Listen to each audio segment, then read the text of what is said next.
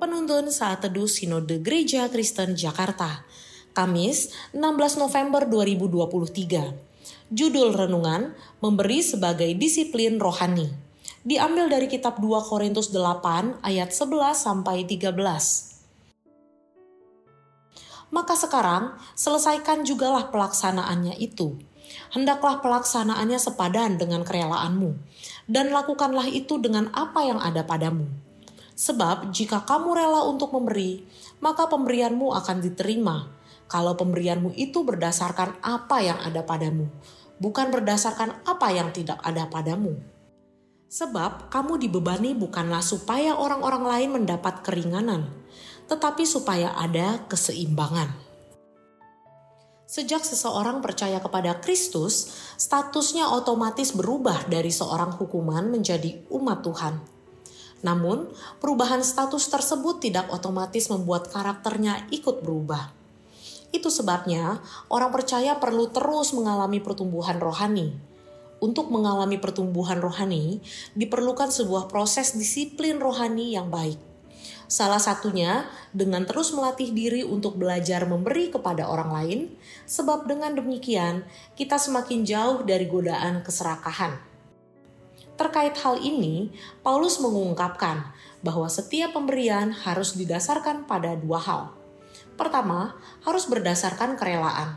Artinya, memberi bukan sekedar sebuah aksi semata, tetapi sebuah tindakan yang bersumber dari hati yang rela. Memang, tidak semua pemberian berasal dari hati yang rela.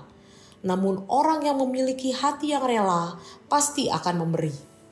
Jadi, pemberian sebagai sebuah disiplin rohani tidak boleh dilakukan karena keterpaksaan.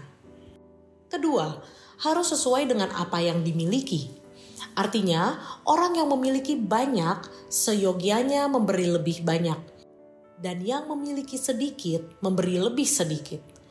Tentu saja, bukan berarti yang memiliki sedikit tidak boleh memberi lebih banyak namun, yang ingin ditekankan oleh Paulus adalah masing-masing memberi berdasarkan kesanggupan dan sesuai dengan apa yang dimiliki, bukan apa yang tidak dimiliki. Selain itu, Paulus juga menjelaskan bahwa tujuan memberi adalah untuk keseimbangan dan bukan untuk membebani. Keseimbangan yang dimaksud di sini bukanlah berbagi sama rata sebagaimana yang diajarkan komunisme tetapi supaya orang yang berkelebihan dapat membantu memenuhi kebutuhan orang lain yang berkekurangan. Setiap orang percaya, Kristus menginginkan setiap kita bertumbuh semakin serupa dengannya.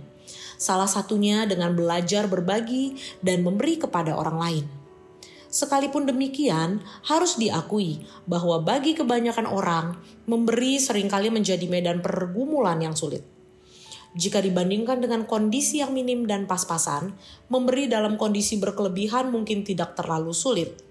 Namun demikian, dengan terus mendisiplinkan diri untuk berbagi, kita bukan saja belajar untuk tidak menjadi serakah dan bergantung pada mamon, tetapi juga memosisikan diri kita menjadi saluran berkat Tuhan bagi mereka yang membutuhkan. Hidup yang bernilai tidak ditentukan dari seberapa banyak yang kita miliki, tetapi seberapa sering kita berbagi dengan sesama. Kiranya Allah memampukan kita.